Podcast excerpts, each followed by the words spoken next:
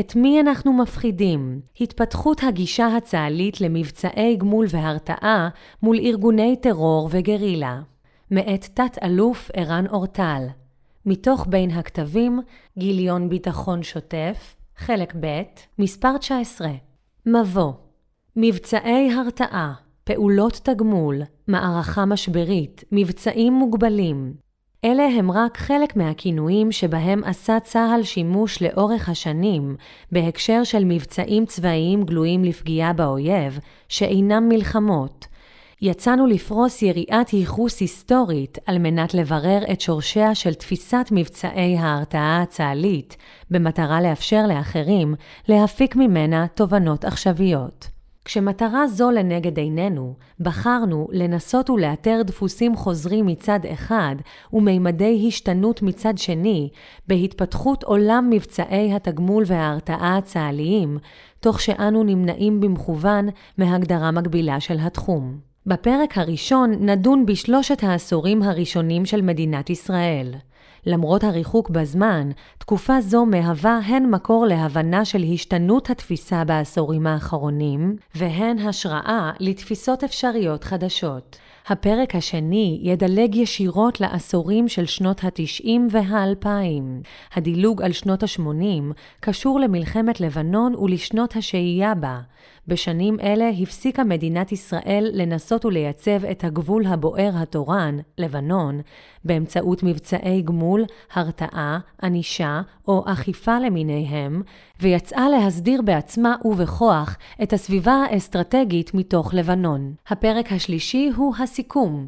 על בסיס שני הפרקים הראשונים, ננסה לזהות קווי המשכיות ושינוי בתפיסה הישראלית, לעמוד על עוצמות ועל בעיות בה, ולהציע פרשנות מסוימת לתפיסה ולאופן שבו התפתחה. אם נסכם את התובנה העיקרית, נראה כי בעשורים הראשונים, מערכה מתמשכת ומסלימה של מבצעי גמול שירתה בדרך כלל את מטרתה. ההסבר העיקרי להצלחה זו הוא האיום האמין של מדינת ישראל במלחמה, שממנה חששו מדינות ערב, המצרים בשנות ה-50, הסורים בשנות ה-60 והירדנים בשנות ה-70 המוקדמות, כולם שינו מדיניות כתוצאה מחששם מהסלמה מול ישראל. בעשורים האחרונים, לעומת זאת, נדמה שמבצעי הגמול משקפים בעיקר את אי רצונה של ישראל לצאת למלחמות מכריעות, יותר מאשר את נחישותה להמשיך ולהסלים במידת הצורך. ייתכן שהמפתח למערכות אפקטיביות של מבצעי גמול טמון בקיומה של תפיסת הכרעה רלוונטית ובאיום אמין למימושה. פרק א' מבצעי גמול בעשורים הראשונים דפוס המבצעים בשנות ה-50 המוקדמות בחרנו את פעולת רנטיס, ינואר 1953, ואת פעולת קיביה, אוקטובר 1953, כמבצעים מייצגים לרוח התקופה. היגיון הפעולות וצורתן דומים. 1. כמעט תמיד המניע למבצע היה אירוע גבול, בדרך כלל רצח של ישראלים, שמקורו בכפרים שמעבר לקו. 2. עד פעולת קיביה, כולל אותה, הפשיטות היו מכוונות לכפרי המוצא של המפגעים ולפגיעה במרצחים עצמם, אם ידועים כמו במקרה של נבי סמואל, או בכפר ככלל. 3. צורת הפעולה הייתה בדרך כלל פשיטה של כוח רגלים, בדרך כלל בלילה, ובהיקפים פלוגתיים עד גדודיים. אם נסכם את דפוס המבצעים של שנות ה-50 המוקדמות, הרי שנמצא כי מדובר במערכת מבצעים שההיגיון שלהם היה, על פניו, הרתעת האוכלוסייה הכפרית הערבית סמוכת הגבול, שממנה יוצאים מסתננים ומפגעים לתוך ישראל. היגיון אחר היה תמיכה מורלית ביישובי הספר הישראליים ובניית תחושת מסוגלות של כוחות צה"ל עצמם. הצורה האופרטיבית שנבחרה כדי לממש את ההיגיון הייתה פשיטות קרקעיות ליליות בסדק מוגבל, עד גדוד בדרך כלל, לפגיעה באנשים ולחבלה בתשתיות וברכוש. דפוס המבצעים מ-1954 עד מבצע סיני שנת 1954 מייצגת שינוי משמעותי בתפיסת פעולות התגמול עד אז. בחרנו במבצע חץ שחור פעולת עזה, בפברואר 1955 ובמבצע שומרון פעולת קלקיליה באוקטובר 1956 כמבצעים המייצגים שורה ארוכה של פעולות שנערכו באותן שנים עד מבצע קדש. ניתן להבחין בשנים הללו במגמה ברורה של מבצעים המכוונים נגד כוחות הצבא של מצרים, ירדן וסוריה. ההיגיון שמאחורי מגמה זו הורכב מכמה היבטים. מצד אחד, הסערה שחוללה פעולת קיביה בעולם הביאה להפסקת הפעולות נגד כפרים אזרחיים. מצד שני, אופי המבצעים הושפע מהרצון של חלק ממקבלי ההחלטות בישראל לדרדר את המצב באופן מכוון לכדי מלחמה. אך בפשטות, נוסף על שני ההיבטים הללו, בשנים אלה הלכו והתרבו תקריות הגבול והחדירות שבוצעו לא על ידי האוכלוסייה המקומית, אלא על ידי המדינות עצמן או בהכוונתן. היו אלה חוליות מודיעין מצריות או פדיון שהוכוונו על ידן, פיגועי צליפה ומערב של חיילי הליגיון הירדני בירושלים, בגבול השרון ובערבה, תקריות דיג וירי סורי על יישובי עוטף הכינרת, ואף תקריות גבול של ממש בין צבא מצרים לצה"ל באזור ניצנה. העימות בגבולות שינה את פניו מעימות בין ישראל לכפריים הערביים, שמצאו עצמם מעברו השני של גבול חדש ולא מסומן, לעימות עם מדינות ערב.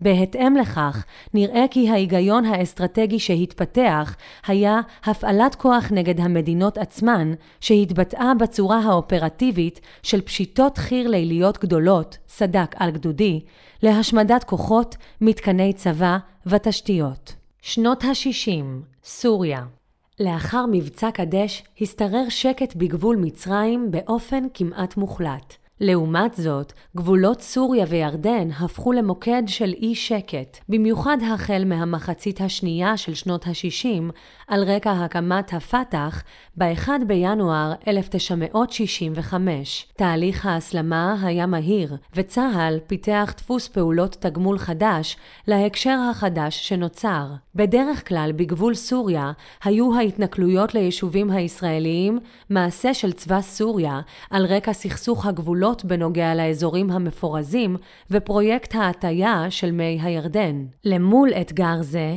המשיך צה"ל בדפוס הפעולה שהתפתח בשנות ה-50 ותקף כפרים ומוצבים צבאיים ששימשו בסיס לכוחות הסוריים שירו על דייגים בכנרת או שהתנכלו לישראל בצורות אחרות.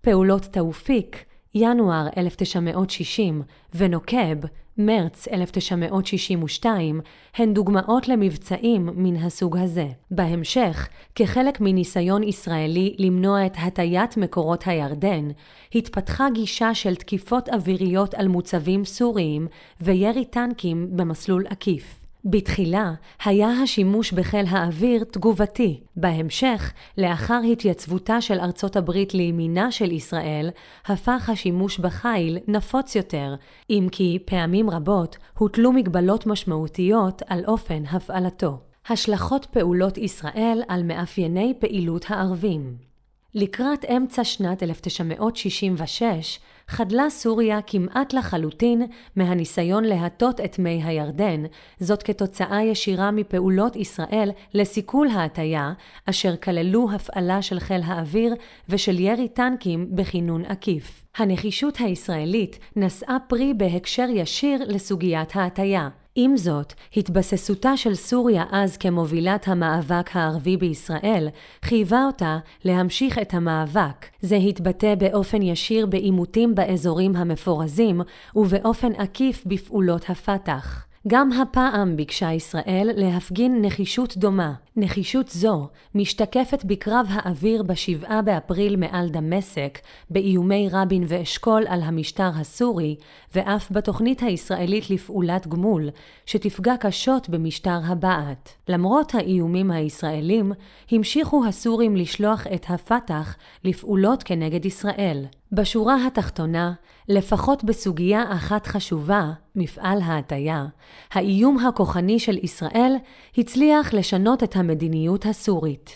ירדן מול הגזרה הירדנית התפתחה דינמיקה שונה, ההבנה שהשלטון הירדני עצמו אינו מעודד את פעולות המחבלים, אפשרה למקבלי ההחלטות הישראליים היגיון של פגיעה ביעדים אזרחיים קונקרטיים שנחשבו לבסיסי מחבלים, פגיעה במשתפי פעולה עם מחבלים ופעולות מערב וחיכוך יזום עם מחבלים בשטח ירדן. נראה כי חלק מההיגיון של הפעולות הללו כלל פגיעה אגבית באוכלוסייה רחבה יותר שנחשבה לתומכת טרור. כך, למשל, פקודת המבצע מגרסה כללה במפורש הוראה להשמיד מאהלי בדואים באזור. חלק אחר מהיגיון הפעולות הללו כלל איום מופגן על הריבונות הירדנית, ככל הנראה על מנת להניע את השלטונות לממש את אחריותם כמדינה לפי הראייה הישראלית. הצורה האופרטיבית שהתפתחה לשם כך כללה פשיטות הולכות וגדלות בשטח ירדן, לעומקים הולכים וגדלים ולמרכזי יישוב ראשיים יותר, ג'נין לדוגמה. מבצע מגרסה, סמוע, שהיה שיאו של התהליך הזה, כבר כלל פשיטת יום משוריינת בסדק על-חטיבתי. הפקודה אף הורתה לפיקוד הדרום באופן מפורש להחזיק בשטח לפחות ארבע שעות, כלומר, מודגשת חשיבות הפגנת הכוח הישראלית במרחב. רבים תפסו את הפעולה הישראלית כטעות קשה, כעדות לחוסר השליטה של הדרג המדיני על הדרג הצבאי, ואף כאחד הגורמים לערעור יציבותו והמשך שלטונו של המלך חוסיין. עם זאת, אין ספק כי הפגנת העוצמה הישראלית דרבנה את משטרו של חוסיין לנקוט יד קשה ולהתעמת עם ארגון אש"ף בטרם יהיה האחרון ערוך ומוכן לעימות שכזה. כלומר, לצד הנזק המדיני של פעולת סמוע, ההסלמה בפעילותה של ישראל אל מול ירדן היוותה זרז, עידוד ואיום למשטרו של חוסיין לשנות מדיניות ולפעול באופן אגרסיבי אל מול הארגון הפלסטיני. סמוע הייתה הייתה המסמר האחרון של מדיניות איום כוחנית, שבשיאה הביאה את המלך חוסיין לפעול בתקיפות כדי להפסיק את פעולות הטרור משטחו. את מבצע קראמה, שהתרחש אחרי מלחמת ששת הימים, אפשר אולי לפרש כניסיון לשחזר את ההצלחה, בדיעבד, של סמוע. כידוע, מבצע תופת כוון גם הוא לבסיס אש"ף בבקעת הירדן, ובוצע גם הוא כפשיטה משוריינת בסדק של כאוגדה, תחת פיקודו הישיר של פיקוד המרכז. החידוש בקראמה היה שילובו של חיל האוויר במבצע עוד בשלב התכנון המוקדם, כלומר, בסופו של תהליך התפתחות, הצורה האופרטיבית שנבחרה הייתה פשיטות יום גדולות ומשוריינות כמטיב תורת הקרב הממוכן המשולב לפגיעה ביעדי מחבלים בתוך שטח ירדן. שנות ה-70, העידן הלבנוני מלחמת ששת הימים הסירה למעשה את האיום הסורי מעל יישובי הגליל. לא כך בגבול הירדני, שם תפסו יישובי עמק בית שאן את מקומם של יישובי השרון וחבל לכיש כיישובי ספר מאוימים. איום הארגונים הפלסטינים נמשך, ופעולות צה"ל לפגיעה בבסיסי מחבלים בירדן נמשכו גם הן, עד שבשנת 1970 פעל המלך הירדני בכוח וסילק את הארגונים הפלסטינים מהממלכה במה שנודע כספטמבר השחור. סילוק המחבלים מהממלכה הירדנית לא בשל החשש מפעולות צה"ל, אלא דווקא מתוך חשש פנימי, הביא לסיומה של תקופת ארץ המרדפים ופעולות התגמול מול ירדן. או אז החל העידן הבא במלחמת הגבולות של מדינת ישראל, העידן הלבנוני.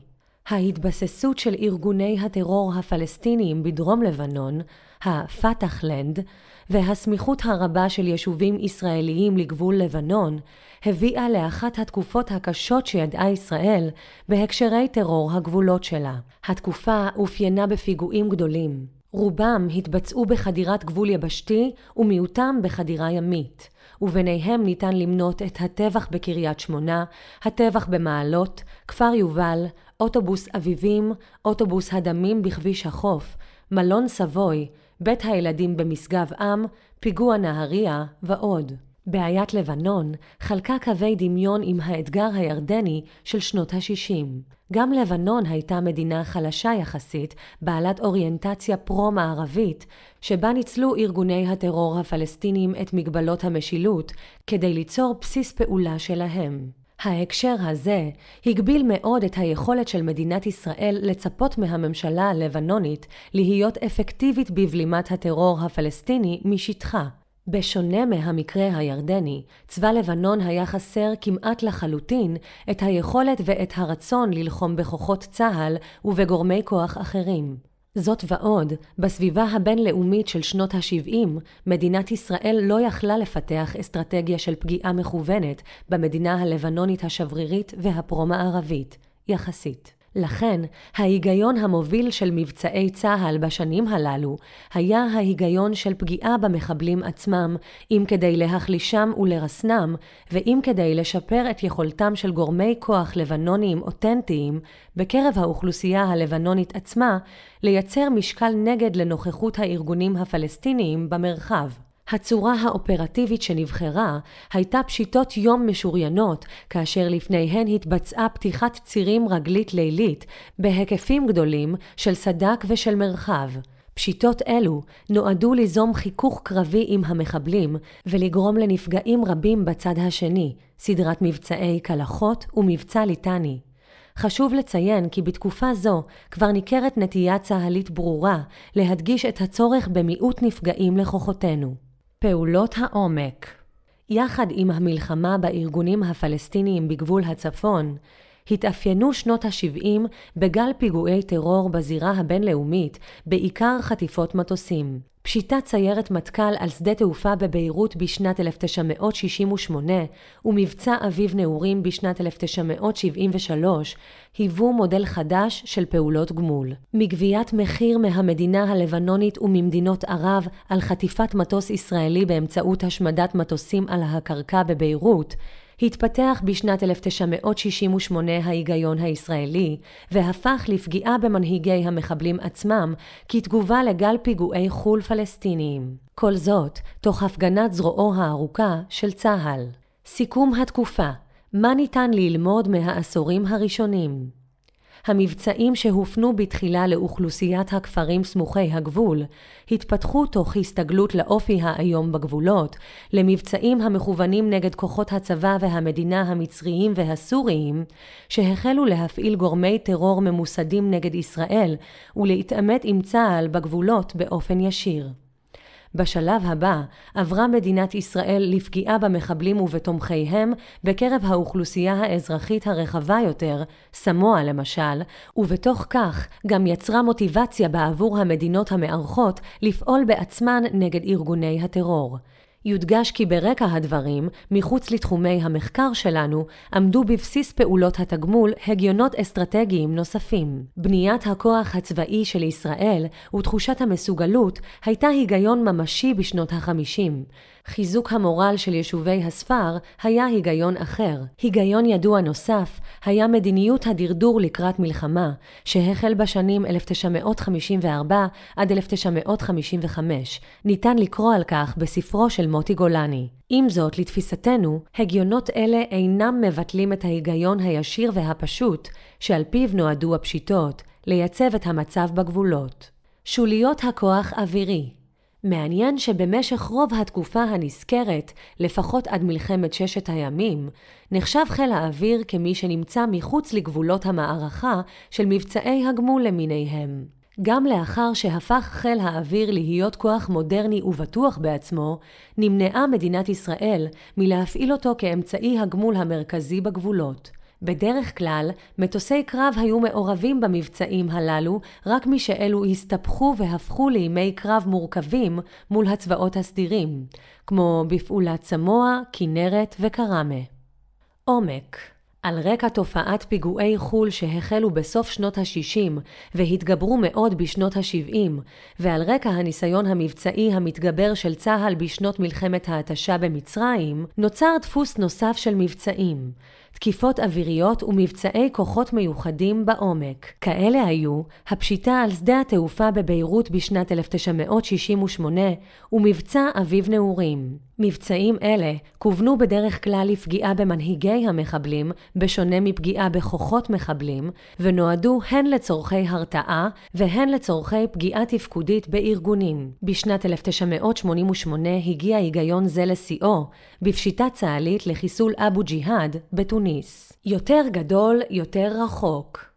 אם נתבונן מגובה רב מאוד בהתפתחות המבצעים שנזכרו כאן, ניתן יהיה לזהות דפוס של מבצעים הולכים וגדלים, מה שהחל כפשיטות חי"ר ליליות בסד"כ פלוגתי ומטה בשנות ה-50 המוקדמות, הפך לפשיטות גדודיות וחטיבתיות בהמשך. פשיטות הלילה הפכו לפשיטות יום, החי"ר הפך לכוחות המשולבים בשריון, ולבסוף המבצעים החטיבתיים הפכו למבצעים רב-אוגדתיים משוריינים, קראמה, ליטני. כמובן שקיימת קורלציה בין עוצמת האיום הצבאי ביעד, שומרי הכפר בהתחלה ובסיסי צבא מבוצרים בהמשך, ומיומנותו הצבאית של צה"ל בהפעלת כוחות, לבין מורכבות המבצעים. מעת לעת התברר כי הצורה האופרטיבית מיצתה את עצמה, וכי יש לייצר צורה אופרטיבית, לעתים גם היגיון פעולה, חדשה. כך היה כשפעולת קיביה איימה על מעמדה הבינלאומי של ישראל, כשפעולת שומרון, קלקיליה, גבתה את חייהם של 18 חיילים, או כשקראמה הפכה לסיפור ניצחון של האויב דווקא. פרק ב' מבצעי גמול בעשורים האחרונים, השנים המעצבות את החשיבה הצה"לית הנוכחית. רקע לתקופה שנות התשעים ואילך מוגדרות כבר לענייננו בהקשר צבאי אסטרטגי שונה בתכלית מזה של שלושת העשורים הראשונים של המדינה. התפתחות הטכנולוגיה הצבאית, המודיעין, האש ומהפכת הדיוק, תום המלחמה הקרה ותחילת עידן המשא ומתן, חתירה לשלום באמצעות החזרת שטחים והיפרדות. בשנת 1982 יצא צה"ל למבצע שלום הגליל. למעשה, מלחמת לבנון הראשונה מבטאת הכרה ישראלית כי תפיסת הגנת הגבול ופעולות התגמול בלבנון, תפיסה שהתהוותה ושיושמה בעשור שקדם למלחמה, הפכה לבלתי רלוונטית. הנימוק הרשמי למבצע היה הצורך להסיר מגבול לבנון את איום אש"ף בכלל ואת איום הקטיושות בפרט. היכולת הארטילרית שעיקרה בקטיושות היא זו שהפכה באופן סופי את אתגר אש"ף בצפון לאתגר שכלפיו תפיסת ההגנה הצה"לית, זו המבוססת על מכשול גבול ועל פעולות תגמול, לא נתפסה עוד כמספקת. אי המשכיות בתפיסה השהייה הישראלית בלבנון בשנות ה-80 והשלכותיה, יחד עם תמורות אחרות שהתחוללו בעולם המדיני והצבאי בעשורים אלה, הגדירו מחדש את האסטרטגיה הישראלית בכלל, את התפיסה הישראלית הצבאית, ולעניינו גם את האופן שבו אנו יוצאים למבצעים שאינם מלחמות. ניתן להבחין בבירור בכך שהחל משנות התשעים פיתח צה"ל היגיון פעולה ודפוסים אופרטיביים שונים במהותם מאלה שהתווה בעשורים הקודמים. במילים אחרות, יש כאן חוסר המשכיות ברור. כרונולוגית, ניתן לראות את אי ההמשכיות הזו באמצעות הפסקת דפוס מבצעי הגמול בשנות ה-80, שנות השהייה בלבנון וההתכנסות לרצועת הביטחון. שנות התשעים תחזיקו אותי. בשנת 1985 נסוג צה"ל מרוב השטח שכבש במלחמת לבנון הראשונה והתייצב בדרום לבנון ברצועה שכונתה אזור הביטחון. באותן שנים, בשלהי מלחמת האזרחים בלבנון, התהווה בה מאזן כוחות חדש. חיזבאללה היה לאויב העיקרי שפעל נגד צה"ל בלבנון, ובידיו רקטות לפגיעה ביישובי הצפון. עד מהרה מצא את עצמו צה"ל במצבים של הסלמת הפיגועים באזור הביטחון, וכן של גלישת העימותים אל יישובי הגליל, בדרך כלל בירי קטיושות, כתגובה לפעולות צה"ל כנגד חיזבאללה בלבנון. אם בשנות ה-50 היה זה צה"ל שהסלים את תגובותיו נגד אוכלוסייה ובסיסי צבא ערביים כדי לרסן את פעולות המחבלים בשטח הארץ, הרי שבאזור הביטחון של שנות ה-90 היה זה חיזבאללה שהפגיז את קריית שמונה על מנת להכתיב לצה"ל כללי משחק ברצועת הביטחון. בתקופה זו בוצעו שני מבצעים יזומים גדולים. דין וחשבון 1993 וענבי זעם 1996. שני המבצעים הינם פועל יוצא של ההסלמה המתמשכת ברצועת הביטחון.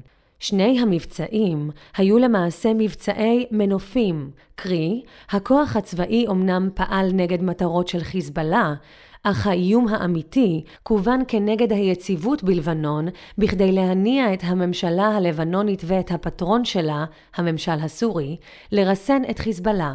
הצורה האופרטיבית שנבחרה הייתה חדשה יחסית להיסטוריה הצה"לית. עד שנות ה-80 עיקר הכוח הצה"לי הופגן ומומש ביבשה.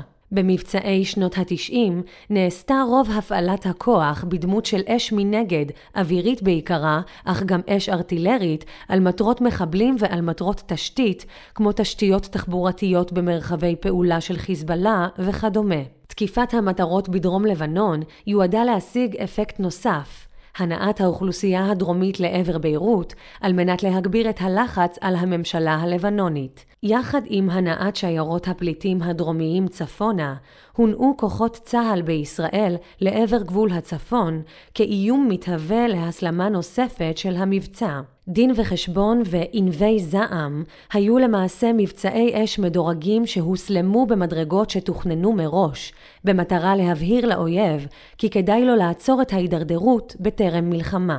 בשפת ילדי בית הספר ניתן להגדיר את הרעיון המרכזי כמבצעי תחזיקו אותי. סוף שנות התשעים, גמול אווירי. לקראת סוף העשור הבשילו בצה"ל קווים תפיסתיים אחרים. מבצעי רפואה חליפית ולפיד איתן שיקפו מבצעי גמול הרתעה, שהאלמנט המרכזי בהן היה תקיפות אוויריות. נוסף על יעדי חיזבאללה בדרום, נכללו במבצעים אלה גם מטרות תשתית לבנוניות ומטרות עומק. המנוף נפרד מהבעיה המבצעית עצמה, חיזבאללה בדרום, לא רק בהיגיון אלא גם בצורה האופרטיבית, ופנה הישר למה שנתפס כגורמי הכוח בלבנון, ממשלות לבנון וסוריה, וכן האינטרס הבינלאומי ביציבות באזור. הרקע לכך היה מגוון.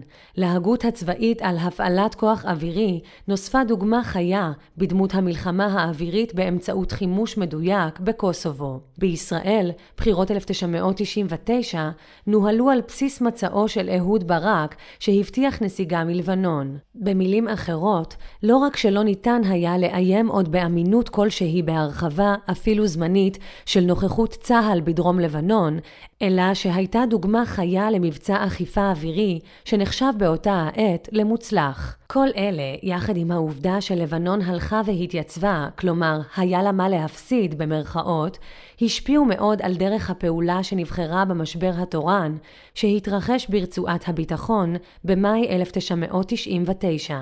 היה זה מבצע רפואה חליפית.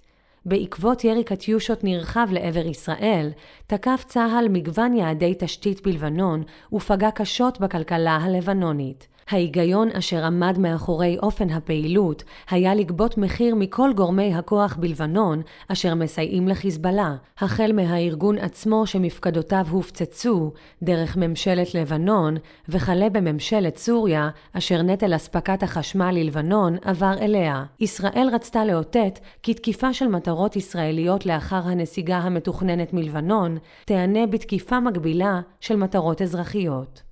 לבנון בראשית שנות האלפיים על פי תוכניתו המדינית של ראש הממשלה אהוד ברק, נסיגת צה"ל מלבנון בשנת 2000 נועדה להיות נסיגה בהסכמה. על פי מדיניות זו, לבנון, סוריה והקהילה הבינלאומית היו אמורות לגבות את הנסיגה בריסון חיזבאללה ובהפסקת פעולות האיבה מצידו. הדגש שהושם על ידי ממשלות ישראל מאז ממשלת רבין על ערוץ המשא ומתן עם סוריה, העיד על התפיסה הישראלית לפיה סוריה היא שמחזיקה בידיה את המפתח לשקט בגבול הצפוני של ישראל. בהיעדר הסכם, בחרה ממשלת ישראל לגבות את היציאה מלבנון בפיקוח ובגיבוי של האו"ם, שאישר כי צה"ל נסוג לגבול הבינלאומי.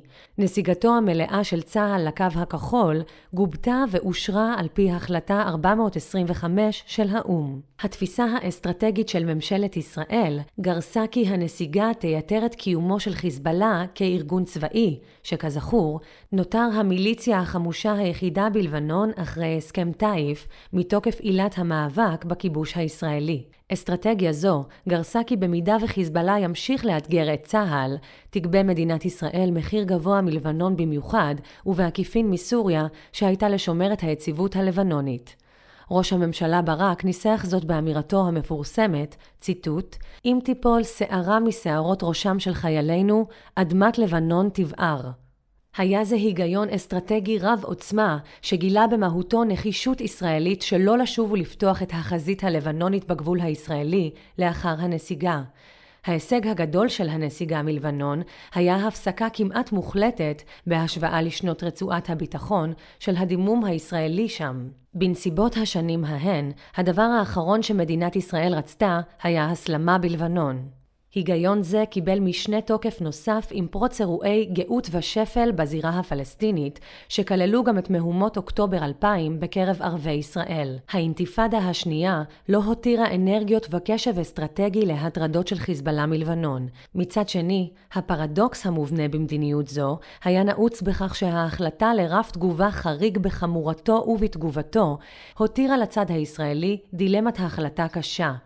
התוצאה הייתה שמול התגרויות חיזבאללה נקטה ממשלת ישראל בפועל במרחב הבלגה חדש. מכיוון שבשש השנים שבין הנסיגה למלחמה בלבנון נמנע צה"ל מפעולות גמול והרתעה משמעותיות בלבנון, נדרשנו לעסוק בפרק זה לא רק בפעולות צה"ל, אלא בעיקר בהתהוות של תפיסות הגמול וההרתעה בשיח התכנון האופרטיבי. בצה"ל התפתח קו חשיבה שהיה מורכב מהיסודות הבאים 1. הימנעות ככל הניתן מהסלמה ישירה מול חיזבאללה, שמשמעותה עשויה להיות פתיחה מחדש של החזית הלבנונית. 2. כתוצאה מכך, הבלגה היכן שניתן. 3. מיקוד פעולות תגובה בפטרון הסורי ותביעת אחריות ממנו. 4. בהינתן הסלמה שמחייבת פעולה רחבה יותר, הפעלת מבצע מדורג, רחב היקף, שכולל פגיעה במטרות לבנוניות וסוריות בלבנון כמנוף לחץ, מלבד פגיעה בארגון הטרור. דיון בכלל התפתחות התפיסה הישראלית בלבנון יהיה רחב וחורג ממטרות מחקר זה.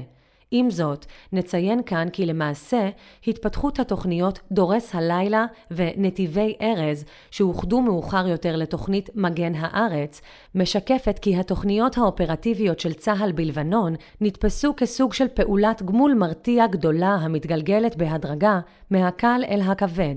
היה זה שילוב של הדפוס שנוצר בדין וחשבון ובענבי זעם, יחד עם ניסיון לכוון את העימות באופן ממוקד ככל הניתן לעבר סוריה, מבלי לפתוח בפעולות איבה נגדה בחזית רמת הגולן. מה תומך את הבחנתנו זו? 1. מגן הארץ, הגם שאיחדה את תוכנית מבצע האש דורס הלילה ומבצע התמרון נתיבי ארז, הייתה תוכנית הדרגתית במובהק. 2. התוכנית תוארה כתוכנית מנופים, לרבות מרכיב התמרון בה, שתוכנן כתמרון המכוון גם לפגיעה בחיזבאללה ולאיום על סוריה, מלבד הפגיעה במרחב שיגורי הקטיושות. 3. הרעיון המערכתי נוסח כהפעלת לחץ ישיר על סוריה ולבנון באמצעות תקיפת יעדי כוחות סוריה בלבנון, תשתית לבנונית ויעדים מוגבלים בסוריה, פגיעה מקבילה ישירה וקשה בחיזבאללה, יצירת איום קרקעי ומוכנות לביצועו, הנעת סוריה, לבנון והמערכת הבינלאומית להשגת הסדר בלבנון ולריסון חיזבאללה וארגוני הטרור. אם נסכם את הלך הרוח התפיסתי של צה"ל בלבנון במחצית הראשונה של שנות האלפיים, נמצא כי דפוס מבצעי התגובה שגובש בשנות התשעים הוא התפיסה שגובשה כתפיסה אופרטיבית בשנות האלפיים. התפיסה כללה תגובות מדודות, תקיפת יעדים צבאיים סוריים בלבנון, בדרך כלל ללא נפגעים צפויים, ותוכניות הסלמה להידרדרות בדפוס המוכר. במילים אחרות, מבצעים שבמרכזם אש, איום בתמרון כמדרגת הסלמה, הנעת אוכלוסייה צפונה, איום על לבנון באמצעות תקיפת תשתיות, ואיום על הסורים באמצעות תקיפת כוחותיהם בלבנון. שוברת הקרח, 2004 עד 2006, מערכה משברית בשנים 2004 עד 2005 החלו להיווצר בצה"ל איים תפיסתיים אחרים. בפיקוד הצפון, תחת תהליך חשיבת תזוזת היבשות בראשות האלוף בני גנץ, ובמטה הכללי בצוותי חשיבה ועבודה, החלו להיווצר מסגרות תפיסתיות שטענו כי חיזבאללה הוא אתגר צבאי שיש להתכונן למלחמה בו ולהכרעתו הצבאית, בדומה לכל אויב אחר. ההיגיון האסטרטגי שפותח היה לאיים על חיזבאללה במלחמה שתסתיים בהכרעתו הצבאית. איום זה התבצע במהלומת אש רחבה וכואבת, שתיפסק באחת באופן חד צדדי על ידי ישראל, על מנת לאפשר את עצירת ההסלמה. היגיון זה כונה בדיוני המטכ"ל כיבוי בפיצוץ. הצורה האופרטיבית הייתה תקיפה רחבה של מטרות חיזבאללה, רובן מטרות שחיזבאללה אינו מודע להיכרותנו איתן,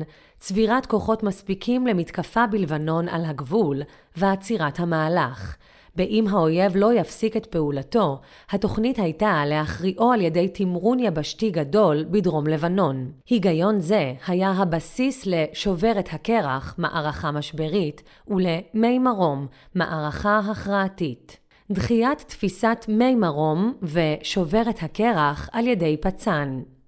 בשנת 2005 התחוללו חילופי גברי בפיקוד הצפון. האלוף אודי אדם החליף את האלוף בני גנץ, נראה כי האלוף החדש נטה לתפיסת הפעלת הכוח במדרגות ופחות לעבר תפיסות המהלומה וההכרעה של מי מרום ושל שוברת הקרח. התמרון נתפס כאחד הכלים האחרונים בארגז הכלים הקיים, ואילו הפעלת האש מרחוק הפכה לדרך הפעולה המועדפת. במילים אחרות, התפיסה החדשה של האלוף אודי אדם ביקשה בתחילת המערכה לנצל את יתרונותיה של ישראל בהפעלת אש במודיעין במודיעין ובחיל האוויר, ורק לאחר מכן, אם אופן פעולה זה לא יספק את התוצאות המבוקשות, לקיים תמרון קרקעי מדורג. פשיטות אופרטיביות פיקוד הצפון העדיף, אם כן, תוכנית מדורגת מתפתחת. לתוך רעיון הדירוג הוסיף הפיקוד צורה אופרטיבית חדשה, פשיטות אופרטיביות. צורה זו התפתחה בעקבות השפעות מזירת רצועת עזה ותביעת אחריות מדינתית מארגוני טרור. דפוס הפשיטות החטיבתיות בעזה נתפס כמוצלח, במיוחד מבצע ימי תשובה, והיווה ככל הנראה מקור השראה לתפיסה שהתפתחה בפיקוד הצפון, ושזכתה לשם יאה נאה, 2005 עד 2006. השם יאה מרמז על פעילות חיסוף בקו הגבול, ואכן עניין הקו ונוכחות חיזבאללה עליו הטריד מאוד את צה"ל באותן השנים. התפתחות התפיסה בעזה בשנים 2000 עד 2006 בשנים 2000 עד 2005 הלך והתהווה ברצועת עזה איום חדש על העורף הישראלי, איום מרגמות ורקטות.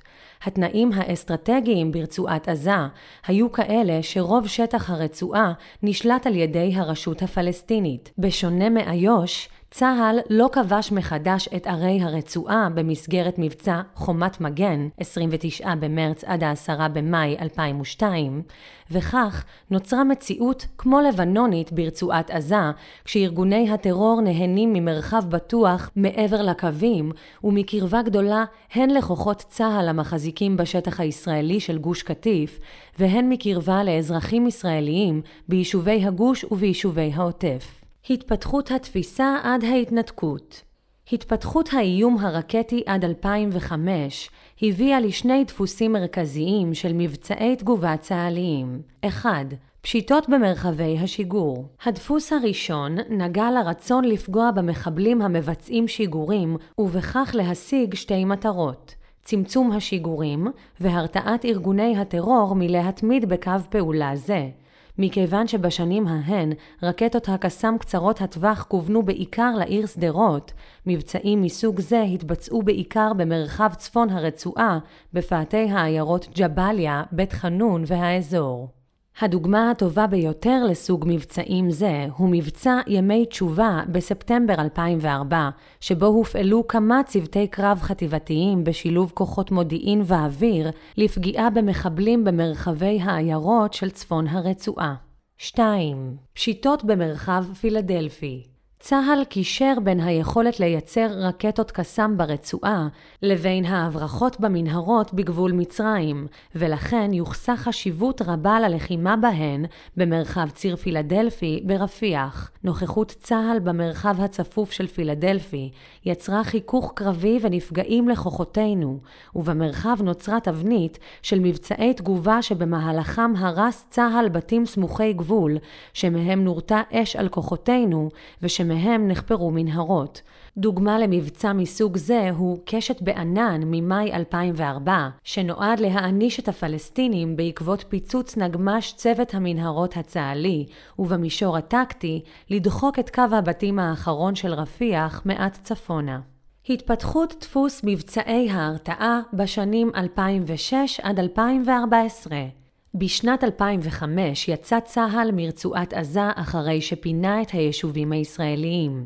בבסיס ההתנתקות עמדה אסטרטגיה לפיה הקיפאון המדיני בערוץ הפלסטיני מצד אחד והטרור המתגבר מרצועת עזה מצד שני מחייבים את ישראל לנקוט ביוזמה. הבסיס לאסטרטגיות הנסיגה וההתנתקות הן מלבנון והן מרצועת עזה, היה קיומן של כתובות מדינתיות במרכאות, שתהיינה אחראיות לשקט ביטחוני אחרי הנסיגות, ושאותן ניתן יהיה להרתיע על מנת שיעמדו במחויבות זו. בעקבות חטיפת החייל גלעד שליט וירי הרקטות על שדרות ביוני 2006, יצאה ישראל למבצע גשמי קיץ. אהוד אולמרט, ראש ממשלת ישראל, הטיל את האחריות לחטיפה ולהידרדרות המצב על ממשלת חמאס. ציטוט החטיפה הייתה באחריות ישירה של ממשלת החמאס וגורמים הקשורים אליה בסוריה. כל הפעילות הצבאית שהייתה בלילה ותימשך בימים הקרובים נועדה למטרה זו בלבד. החזרת גלעד שליט.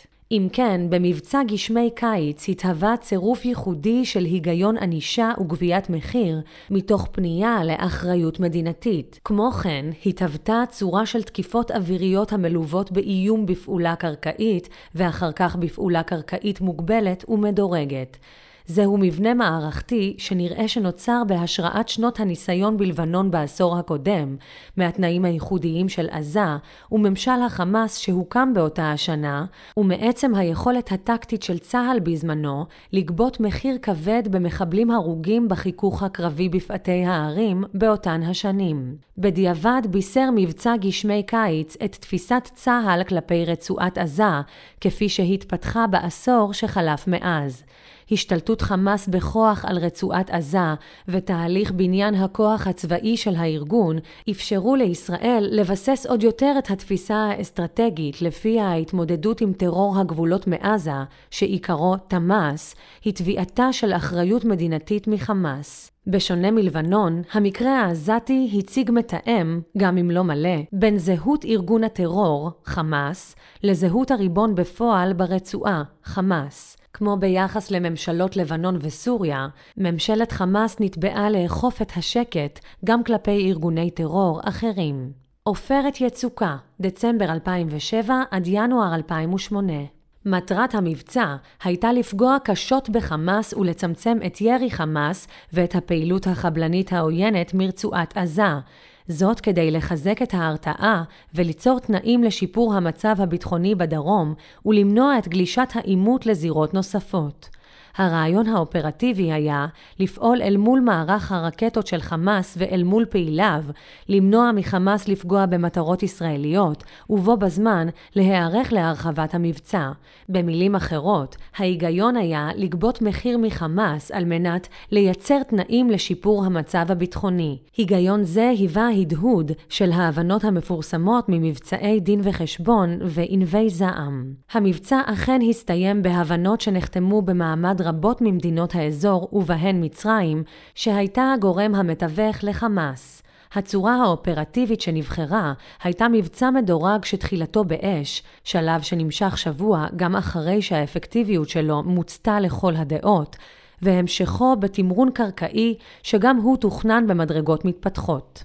עמוד ענן, נובמבר 2012, וצוק איתן, יולי-אוגוסט 2014. שני המבצעים הבאים נוהלו על פי אותו היגיון של עופרת יצוקה. נדמה היה כי עמוד ענן הביא לכדי שלמות את השילוב בין היגיון המבצע לצורתו האופרטיבית, הן הפעלתן של מערכות כיפת ברזל שנטרלו את הרוב המכריע של פגיעות הרקטות בעורף ישראל, והן התיווך האפקטיבי של ממשל מורסי בקהיר, הביאו למבצע צבאי קצר יחסית. המבצע כולו התמצא בהפעלת מנוף האש האווירי מצד אחד, ובאיום קרקעי לא אמין במיוחד על פי עדות מנהיגי החמאס, מצד שני. צוק איתן, לעומת זאת, גילם את שברו של השילוב הזה.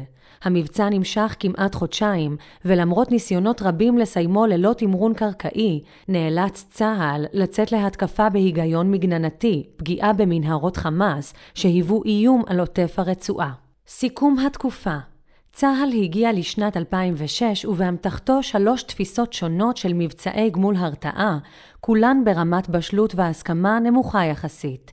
פצ"ן החזיק בתפיסה של הסלמה מדורגת, שליבתה אחרי שלב אש, תפיסת שטחי מפתח ופשיטות חטיבתיות על כפרים סמוכי גדר. גורמי העבודה במטכ"ל החזיקו בתפיסה הפורמלית של שוברת הקרח, הכרוכה בקשר בל יינתק בתפיסת ההכרעה של מי מרום. הרמטכ"ל עצמו החזיק, ככל הנראה, בתפיסה שהמשיכה את תפיסת מבצעי האש העמוקים של שנות ה-90 וה-2000, קרי, תקיפות אוויריות מתמשכות שכוללות פגיעה קשה בתשתיות מדינתיות. כל תפיסה גילמה מקור תפיסתי שונה. תפיסת מבצעי האש צמחה ממהפכת ה-RMA של שנות ה-90 והגות המערכה מבוססת האפקטים.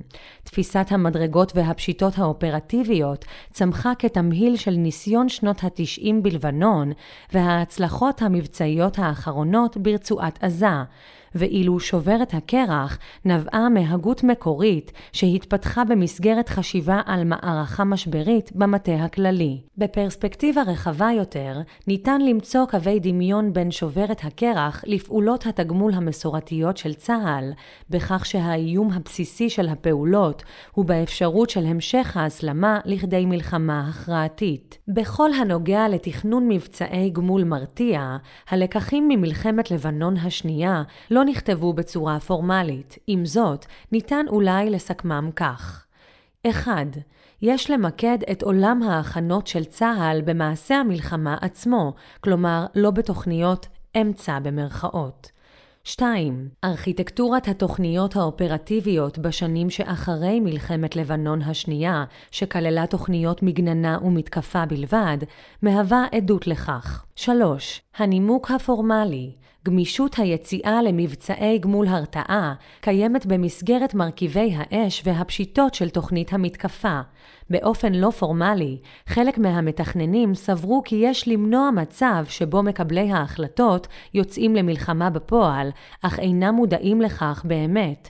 הכישלון של הגדרת המצב, מלחמה, ב-2006 היה מהדהד. בד בבד, באמצע העשור התחילה להתהוות סיטואציה אסטרטגית חדשה ברצועת עזה.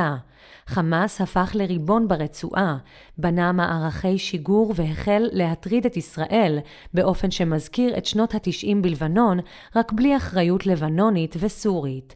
בשנים ההן התפתחה בעזה ארכיטקטורת מערכות שכללה מדרג הולך ומסלים של תוכניות אופרטיביות.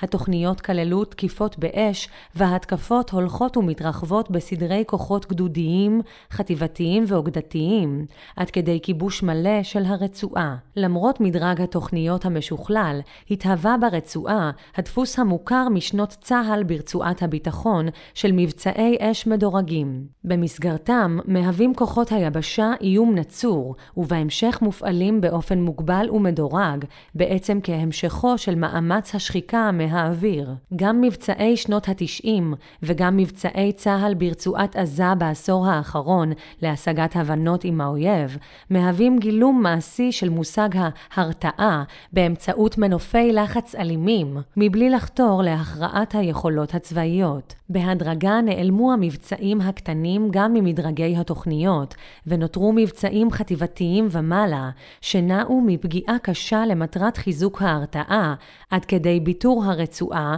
כיבוש מרחבי השיגור בצפון וכיבושה המלא.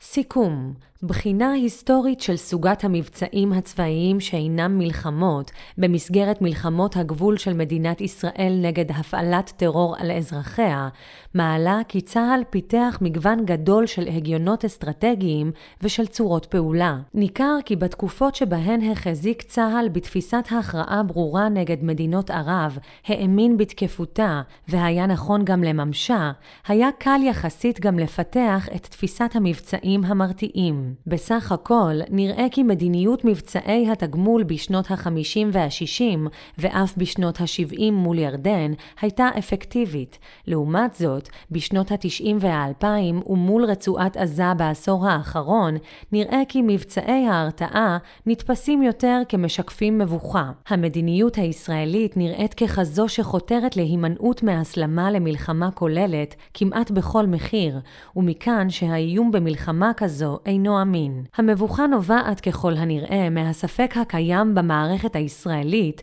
באשר ליכולת הצה"לית להביא לתוצאות מובהקות במחירים אסטרטגיים קבילים. בעוד שאיומי הטרור מרצועת עזה נעלמו אחרי 1956, ואיומי הטרור מהגדה המערבית וירדן נעלמו אחרי מלחמת ששת הימים וספטמבר השחור, נראה כי האיומים של חיזבאללה ושל חמאס כיום רק הולכים ומתפתחים. נכון שהכרעת ארגונים כמו חמאס וחיזבאללה היא עניין שונה, ייתכן שמורכב יותר, מהכרעת צבאות ערב, אך עם זאת, ההבחנה נותרת בעינה. קיים קשר בין נוכחותה של תפיסת הכרעה משכנעת לבין האפקטיביות של מבצעי ההרתעה. יש לבחון את התלות ההגיונית בין יכולת ההכרעה הצבאית של האויב לבין היכולת לקיים מולו תפיסה של מערכה הרתעתית, בין אם מתמשכת ובין אם קצרה. ייתכן כי המפתח למערכות הרתעתיות אפקטיביות יימצא דווקא בפיצוח יכולת ההכרעה הצבאית, הפעם של ארגונים צבאיים סדירים למחצה. מהסקירה עולות כמה הבנות נוספות. 1. גמול מרתיע כתהליך, לא מבצע בודד. ההיגיון המערכתי של מבצעי התגמול לא נעוץ בפעולה הבודדת, אלא ברצף הפעולות ובתהליך ההסלמה המתמיד שלהן. במבט על ניתן לראות כי רצף פעולות התגמול של העשורים הראשונים יצר תהליך של הסלמה מתפתחת עד כדי מלחמה. קדש, ששת הימים, ליטני. בשנות התשעים מבצעי האש הארוכים, דין וחשבון, ענבי זעם, ניסו לגלם את מדרגות ההסלמה השונות במסגרת המבצע עצמו. החל משנות התשעים נראה כי ההסלמה ההדרגתית מובלת דווקא על ידי האויבים החדשים, חיזבאללה וחמאס. תפיסת ההסלמה ההדרגתית של שנות התשעים, תפיסת מדרגות, חתרה להימנעות ממלחמה יותר משאיימה בה. 2. היפוך תפקידים בין כוח אווירי וקרקעי. בעוד שעד שנת 1982 נקרא העדפה ברורה למבצעי פשיטה קרקעיים עם גיבוי אווירי במקרים של הסתבכות בלבד, הרי שמשנות ה-90 ניכרת העדפה ברורה של מבצעים אוויריים, כאשר יכולת התמרון היבשתי נשמרת כאיום בלבד. דפוס זה התפשט גם למבצעים ברצועת עזה, כשגם בעופרת יצוקה, בעמוד ענן ובצוק איתן נקרא העדפה ברורה לצבירת הכוח היבשתי כאיום מבלי להפעילו. 3. טשטוש ההבחנה בין מלחמות גדולות לפעולות גמול. בשנים האחרונות בולט תהליך הטשטוש בין מבצעים מוגבלים, שעיקרם גמול מרתיע, לבין מעשה המלחמה הראשי של צה"ל. הן מלחמת לבנון השנייה והן מבצע צוק איתן החלו כמבצעים מוגבלים להחזרת השקט לגבולות באמצעות הרתעה. עם זאת, שני המבצעים הסתיימו בהפעלת סדרי כוחות גדולים ונפחי אש, השווים למה שיעד צה"ל למלחמה גדולה, במונחי צריכת תחמושת, ובאותות מלחמה רשמיים. תוכניות המלחמה המרכזיות של צה"ל הפכו לבעלות מאפיינים של מבצעי גמול גדולים, כאלה שמכוונים לכוונות האויב ופחות ליכולותיו. משך המבצעים הארוך נובע מהתמדתו של האויב בירי לעורף. ניכר כי לו לא היה האויב מסוגל להמשיך ולהטריד את העורף הישראלי, המבצעים היו קצרים הרבה יותר, אולי אפילו כמו פשיטות הגמול של שנות ה-60.